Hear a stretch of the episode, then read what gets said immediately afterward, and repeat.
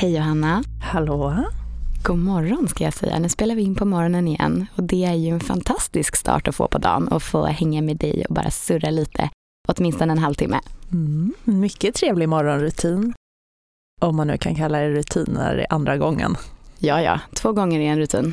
Två gånger är en rutin. Ja, nej, men supertrevligt. Hur är läget med dig? Jo, men det är bra tack. Det är bra. Och hur mår du? Vad har du gjort sen sist? Amen, jag mår bra. Jag var uppe och hade lite påsklov i Åre. Just det. Så mysigt. Jag var lite så här, vad ska man säga, kinesisk tränare mot min, min dotter. Tvingade. Jag fick ju se ett klipp, alltså hon är otrolig, hon är inte ens två. Det är det sjukaste jag sett faktiskt. Ja, Riktigt A-barn. Jag vet inte. Hon gillar sötsaker, hon blev mycket mutad. Kexchoklad och chokladboll och sådär. Nej men superhärligt, eh, det var jättemysigt i Åre. Men som jag sa till dig, jag, jag, tror att jag har firat mer eller mindre varje påsk i Åre de senaste, så här, vad kan det vara, 25-30 åren. Och eh, jag tyckte det var märkbart, det här är bara min personliga spaning, jag har liksom inget att bygga upp den på egentligen, men jag tyckte det var lite mindre folk än vad det brukar vara över påskdagarna. Och då tänkte jag det kanske är den här inflationen som faktiskt ja. ger lite effekt. Det är väl inte omöjligt med tanke på, du nämnde ju priset för ett årskort där och dessutom så runt påsklovet kan jag tänka mig att det inte är helt billigt att hyra en stuga där. Nej det är det nog verkligen inte och sen kostar det ju liksom en miljard om du ska ha en, en veckas liftkort till en familj med två, tre barn. Huh, herregud. Ja, helt otroligt. Mm. Men härligt. Sol hade du då? Ja. Sol hade jag. Sol hade jag. Vad har du gjort sen sist? Nej, men jag var i Barcelona över påsken och det var supermysigt. Det var kanske 18 grader sol och gick runt och kollade lite på Miró-museet och lite Gaudi-byggnader. Men utöver det hängde i solen, drack cava sangria, hade det väldigt härligt. Eh, och igår var jag ganska trött för vårt flyg blev sent så att jag kom hem två på morgonen eh, där natten mot tisdag och skulle upp och jobba. Så det var lite därför vi sköt upp inspelningen av podden också för det kändes som att någon hade tagit ut min hjärna, mixat den och hällt tillbaka. Jag märkte det tydligt för att jag satt och var på den nivån att jag, jag såg ett tidningsurklipp från om det var Uppsala eh, lokaltidning. Då står det Janne sprang på en bäver på Bäverns gata på internationella bäverdagen och jag bara jajamän, det här är kul. ja, ungefär så, den nivån var jag på igår. Så jag är väldigt tacksam att vi ses här idag istället. Ja, men du var inte på samma nivå som Janne som alltså gör det här och då skickar in till Uppsala Nya Tidning och berättar om det. Ja, han skrev också att det var, det var väldigt odramatiskt och eh, bävern tittade inte på honom. Så ett väldigt odramatiskt möte, ja. men intressant. Ja, verkligen. Eh, vilket, ha... vilket nyhetstips till UNT. Exakt, kan ha varit första april, vem vet. Ja, men ett litet nyhetssvep även den här veckan då. Vi har hört det ryktas om körsbärsblom i Kungsträdgården här i Stockholm.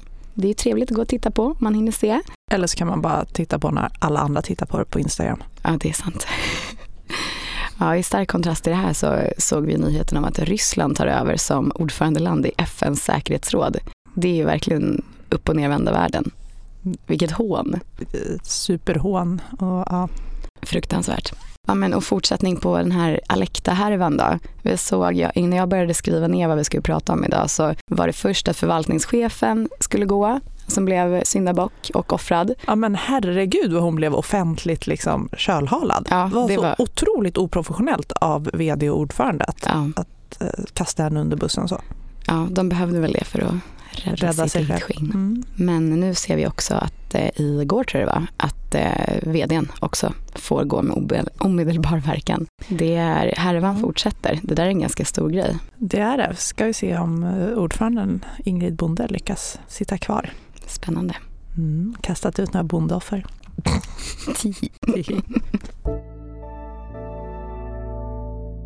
Ja, men på börsen då så kliver vi med snabba steg in i rapportsäsongen här i andra halvan av april.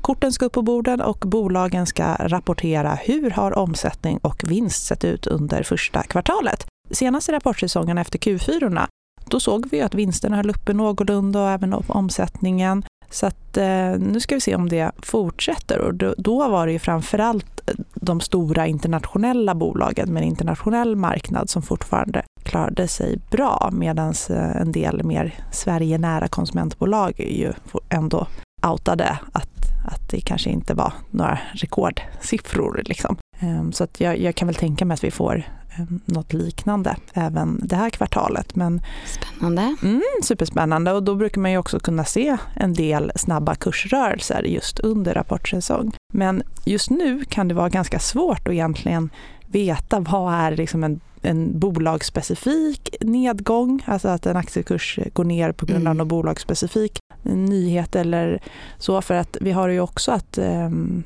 utdelningarna kommer här under Just våren det. och då avskiljs ju de. Och när en, bolag, eh, när en utdelning avskiljs, då ska ju, om utdelningen är på 3% en direktavkastning på 3% då ska ju allt annat lika aktiekursen sjunka, sjunka 3 den dagen när man skiljer av utdelningen. Eh, och det är sånt som sker nu här under våren och då kan det bli lite svårt ibland att vad är egentligen, nu går den här aktien ner, är det någon utdelning, är det någon allmän bred nedgång eller är det något bolagsspecifikt eller är det rapport?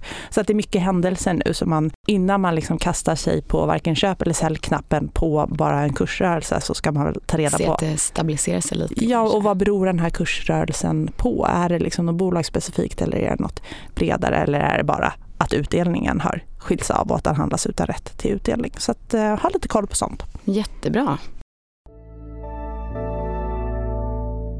Ja, men vi har ju såklart haft lite span på inflationen här som är ständigt närvarande och eh, påverkar oss alla. Och jag läste en liten veckorapport från danska häromdagen som jag tycker summerade vissa saker ganska bra. Och eh, det har ju gått några veckor sedan den här bankkrisen nu, om vi säger så, som startade med Silicon Valley och sen spred sig till Europa. Och just nu så har man inte sett några fler problembanker som dyker upp och därför har marknadens fokus riktats tillbaka mot inflationen och räntorna.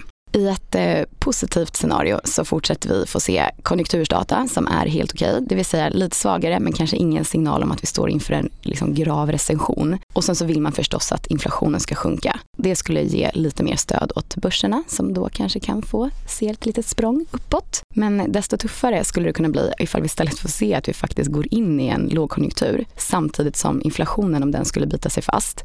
Och de här centralbankerna ute i världen har redan kommunicerat vad de tycker är viktigast och det är i deras mening just en hög inflation och att den biter sig fast. Det tycker man är mycket skadligare för ekonomin än en lågkonjunktur och även kanske det här med bankkriser, det är väl lite det man parerar. Men just nu i vilket fall, hög inflation är det man vill parera och det är det som kommer sätta standarden för hur de agerar och det vill säga hur, åt vilket håll räntorna kommer gå framöver. Så ja, går vi in i en global recession, det hoppas vi inte. Det kommer både påverka vart räntorna är på väg men också såklart börsen. Eh, och danske då i alla fall, de tror just nu att eh, tillväxten i den globala ekonomin blir ganska låg under 2023. Så det är väl kanske inte något superspännande. Men de betonar också att eh, det är en väldigt hög osäkerhet i den här prognosen. För det är ju mycket saker som händer hela tiden. Ute i världen, makrodata och allt det där. Så vi får hålla tummarna helt enkelt. På temat prognoser så kom ju Internationella valutafonden, IMF, häromdagen med sin stora globala prognos. Och visserligen skruvar de ner tillväxttakten något, men de tror fortfarande på att liksom den globala ekonomin kommer växa i år. Man tror att det kommer vara en tillväxt på 2,8 procent i år och 3,0 procent nästa år. Och det är 0,1 procentenheter lägre än vad man trodde i januari, but still tillväxt. Och någonting som jag med bolån tar fasta på, det är att de också eh, skriver att de skickar faktiskt ut ett mejl som jag fick i, i jag har väl liksom... Står du på deras mejllista? ja, precis. Ståtligt. Ja, direktkontakt. Nej, jag har signat upp mig på någon sån här eh, nyhetsbrev helt enkelt. Men rubriken då som liksom gjorde att jag blev lite glad här igår, det var “Interest rates likely to return to toward pre-pandemic levels”. Alltså oh. att räntorna ska tillbaka till de nivåer det var innan pandemin, det vill säga mycket låga. Och de menar att liksom, det finns så mycket i samhället, i ekonomin i världen som, som, som tyder på att räntorna ska vara betydligt lägre än vad de är idag. Det gäller bara att få liksom knäcka den här inflationsnöten först. Så ett litet stålbad för att få sen återkomma till de här, den här härliga lågräntemiljön. Det håller vi tummarna för. Snabbt stålbad, tack. Snabbt stålbad, yes. Men inflationen då, nöten som ska knäckas. Idag, onsdag, när vi spelar in det här så kommer ju de amerikanska inflationssiffrorna för mars och där tror man ju att KPI-inflationen kommer att fortsätta att sjunka men kärninflationen där man har räknat bort ehm, effekten av energi och livsmedelspriser den tror man kommer bita sig fast på en ganska hög nivå och det är ju det här som Fed tidigare har lagt väldigt mycket stor vikt vid. Så att det ska bli intressant att se hur, vad, dels vad siffran blir och dels hur Fed kommunicerar och det kommer ju sannolikt få effekter på, på marknaden också. Men när ni lyssnar på det här är ju det här redan historia. Ja, men om man tar Sverige då så får vi inflationssiffror på fredag och eh, man förväntar sig att den ska gå tillbaka lite från 12 procent i februari till 11,1 procent. Likväl så är det väldigt högt. Och eh, nästa räntebesked från Riksbanken kommer den 26 april. Så vi får ju se då hur eh, landet ligger. Och ja, tidigare när vi pratade, jag tror att det var för ett par avsnitt sen, så trodde vi att Erik Thedéen, då riksbankschefen, stod och velade mellan en höjning på 25 till 50 punkter, alltså 0,25 eller 0,5. Men nu ryktas det om 0,75. Det är ganska högt. Det är otroligt högt, men det är väl lite olika. Vissa har väl fortfarande i sina prognoser att det blir 0,5 eller så. Hoppas det. Vi håller tummarna och eh, vi, vi får se helt enkelt den 26 eh, april. Mm. Och vad inflationen landar på och framförallt hur eh, stora räntehöjningar det blir, det är ju någonting som är otroligt relevant för oss eh, privatpersoner. För att vi har ju redan nu sett en liten kostnadschock om man får uttrycka sig i kvällstidningsrubriker. Men eh, priser på mat, energi, bostad och så har ju höjts kraftigt. Och eh, jag såg en uträkning från SBAB där de har räknat på kostnaderna för en barnfamilj, två vuxna och två barn. Och då visar det att eh, de kostnaderna kommer i snitt öka med 60 000 kronor i år. Ehm, här har de då räknat på bland annat ett bolån på 3 miljoner. Det finns ju många i framförallt Stockholmsområdet som har bolån som, på betydligt högre nivåer än 3 miljoner. De har också räknat på en elförbrukning på 15 000 kilowatt per år. Och det är, nu är inte jag någon elexpert, vad jag, när jag bara hör omkring vad folk säger att de har så tycker jag, fem, som bor i villa vill säga, så låter 15 000 också ganska lågt. Men, Oj, men ändå 60 000 per år. Ja, 60 000 så i snitt. Så att, ja, det, har, det har kommit kostnadshöjningar och det kommer väl med stor sannolikhet fortsätta att vara dyrare. Ja.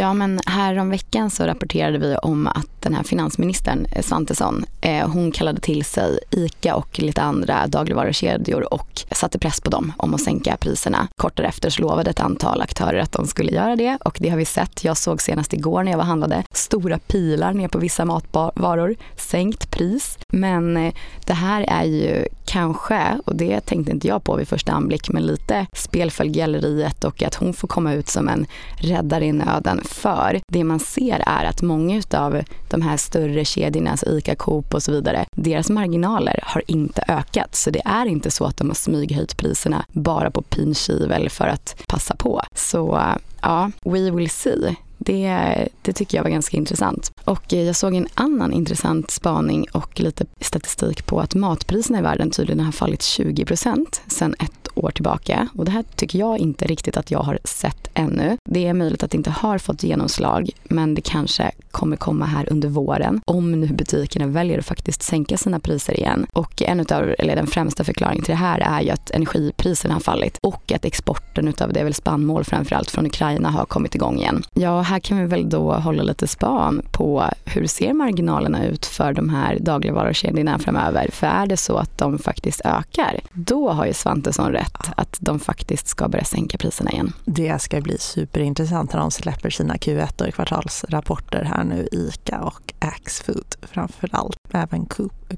Coop. Coop.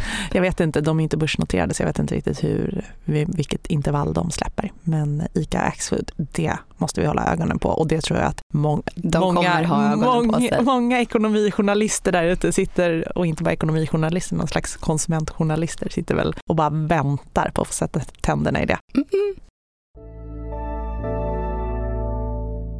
Okej, och en annan liten spaning då som jag såg från ett eh, fondbolag som heter Humle och det var att de har fört lite statistik kring både eh, nyemissioner och eh, börsnoteringar. Och under noteringsbonansen 2020-2021 så såg vi väldigt många nya bolag komma till börsen. Nu så har det dykt upp igen, fast istället nyemissioner. Och då betyder det alltså att det är massa bolag som söker nytt kapital för de behöver förstärka sin kassa för att kunna investera och så vidare. Och nu under första kvartalet 2023 så har det varit 151 nyemissioner på svenska listorna och 23 av de här har skett av bolag just som kom till börsen bara för ett till två år sedan, eller två till tre år sedan. Och det här kan man ju se som ett underbetyg då att det är väldigt många bolag som redan nu behöver fylla på kassorna. Och en stor förklaring till det här kan ju ha varit att det har varit gratis att låna pengar men det är det inte längre och nu behöver de fylla på igen. Men det kan ju vara rationellt att göra det för att kunna fortsätta investera. Men emissioner som sker på grund av löften som getts för bara några år sedan är kanske i ett bolag då som aldrig borde kommit till börsen i första. Det är lite utav en bajsmacka. Lite av en bajsmacka. Så det där är ju något att hålla koll på. Det är, det är säkert många bolag som vi kommer se har lite problem framöver. Mm. Ja, men det var väl framförallt under 2021 en hel del bolag som kom till börsen som inte har på börsen att göra. De var liksom inte riktigt mogna för det då. Men värderingarna... Nej, men då gick ju allting upp. Allting gick upp. Det var väl en del kanske lite sugna ägare alltså som var sugna på att casha hem, la ut bolaget på börsen och mm, fick med sig småspararkollektivet och även en del fonder och, och så vidare. Det var, det var andra tider och nu när, när man ska leverera så är det inte riktigt lika lätt kommer lite sålla agnarna från vetet säkert. Nu kan det låta som att vi är väldigt negativa. Vi pratar om kostnadschock för hushåll, vi pratar om eh, små skräpbolag som aldrig skulle ha kommit till börsen och så vidare. Men det stämmer inte. Vi, vi väljer som alltid glädjen. Och jag, brukar, jag tycker jag märker nu när man ser det så utskick och man hör med de kontakter man har från så institutionella investerare att många stora kapitalförvaltare börjar tycka att det ser lite aptitligare ut. Värderingarna på bolag har kommit ner på lite mer rimliga nivåer. Det kommer signaler då senast här från IMF om att de här extremhöga räntorna, eller jag ska inte säga extremhöga räntorna, men för oss i relation till vad det har varit innan, de kanske inte är här för, för att stanna forever utan man ser någon slags ljusning. Och bolagen håller upp både omsättning och vinst hittills i alla fall relativt bra. Men det här har ändå gjort att många institutionella spelare har en del torrt krut och börjar vara sugna på att göra en del förvärv och investeringar. Medan det kanske är enklare för oss, av, av, naturliga skäl blir det så för oss som privatpersoner att man blir lite färgad av ens elräkning, ens boränta, ens matkostnader. Och även om man har pengar kvar så är man inte supersugen på att investera dem i aktier eller fonder för man känner lite så här, man, man, blir lite protektionistisk. Det, jag, det ja. jag har nu som inte går till ICA, det, vill jag liksom, det vågar jag inte gambla med. Men, men kanske lite större buffert, att man tänker att man behöver ja, det. Ja, och det är väl rimligt men man kanske redan har en buffert ja. och så vidare. Det jag vill komma till lite är att om man investerar långsiktigt i breda fonder, globalfond, en Sverigefond, eh, indexfonder eller aktivt förvaltare, you name, ja, välj vad du vill, eller investmentbolag eller välskötta liksom, börsbolag, då tror jag ändå att det kan vara Alltså, då är det ju ofta, har historien visat, bra läge efter sådana här nedgångar som vi hade under förra året. Nu har förvisso börsen eh, startat det här året eh, starkt, men, men vi, vi är fortfarande på andra nivåer. Och det jag vill liksom skicka med till mig själv också, det är att bli inte rädd. Alltså håll upp uppe månadssparandet. Jag, jag brukar roa mig med, jag vet inte, eller, eller jag vet inte om det är att roa, men jag brukar ibland gå in på den här analysfliken i Avanza-appen. Då kan man se vad man gjorde för insättningar år för år. Så under analys och sen insättningar och uttag. Och då blir jag ledsen när jag ser hur jag agerade 2015, 2016, 2017, 2018. Jag hade inga barn, jag hade i princip inga kostnader. Jag bodde väldigt, väldigt billigt. Och visst har jag sparat och jag har månadssparat och jag satt in, men jag hade kunnat jacka upp det där lite och hade fått en och den helt annan skjuts på det. Liksom. Men, ja, men vi gör rätt framåt. Det är det viktigaste. Vi gör rätt framåt. Jag gjorde inte fel, men jag kan, det är lätt att vara efterklok. Ja, det är det verkligen. Här, var, varför gjorde jag inte bara lite till? Och jag vill inte vara efterklok den här gången. Nu är jag i och för sig en helt annan liksom, utgiftssituation. Situation. Men jag vill ändå titta tillbaka på det här om 10, 15, 20 år och känna så här, ja men jag gav mig själv bra förutsättningar. Och det hoppas jag att ni som lyssnar också eh, kommer känna. Att ni, så här, ja men där när det var lite tufft 2022, 2023, jag höll igång, jag höll i, jag fortsatte månadsspara i bra fonder eller liksom bra välskötta bolag. Och då kommer man få utdelning, det är jag tämligen övertygad om. Yes, så är det. Och om vi kommer ihåg det vi pratade om förra veckan så är det ju möjligen så att vi står inför en stundande comeback för just svenska bolag. Om det följer tidigare trender så skulle det här kunna tyda på att svenska börsen kommer prestera bättre om, än om man jämför med resten av världen. Så det håller vi tummarna för. Ja men Johanna, tiden springer när man har roligt och trevligt som man alltid har med dig. Men eh, vad tycker du framförallt att vi tar med oss från idag då? Ja, men vi, vi håller koll på rapporterna som kommer här om några veckor och kanske framförallt på livsmedelsjättarnas rapporter. Och så är vi beredda på att det kan vara lite slagigare på börsen men man får kolla upp lite vad kursrörelserna egentligen beror på. Just det. Och sen så får vi se den 26 april då vad kommande räntehöjning blir. Mm, jag tror 0,5. Ja, jag håller tummarna för det också. Eller lägre. Ja, ja, det hade varit en trevlig överraskning. Och ja. sen kanske det viktigaste av allt ändå, det man faktiskt, det enda man egentligen kan påverka, det är ju att eh, hålla i sitt egna investerande, sitt egna sparande. Så keep up your månadssparande. Det kommer göra stor Gör skillnad. Det. Sätt igång en investerarklubb. Gör det. det blir kul. Gör det. Ja, men eh, tack för idag då allihop och glöm inte att följa oss på Instagram, alfahonor. Och hör jättegärna av er med frågor och eh, förslag och uppslag på vad vi ska prata om här framöver så försöker vi fixa det. Hej då! Hej då!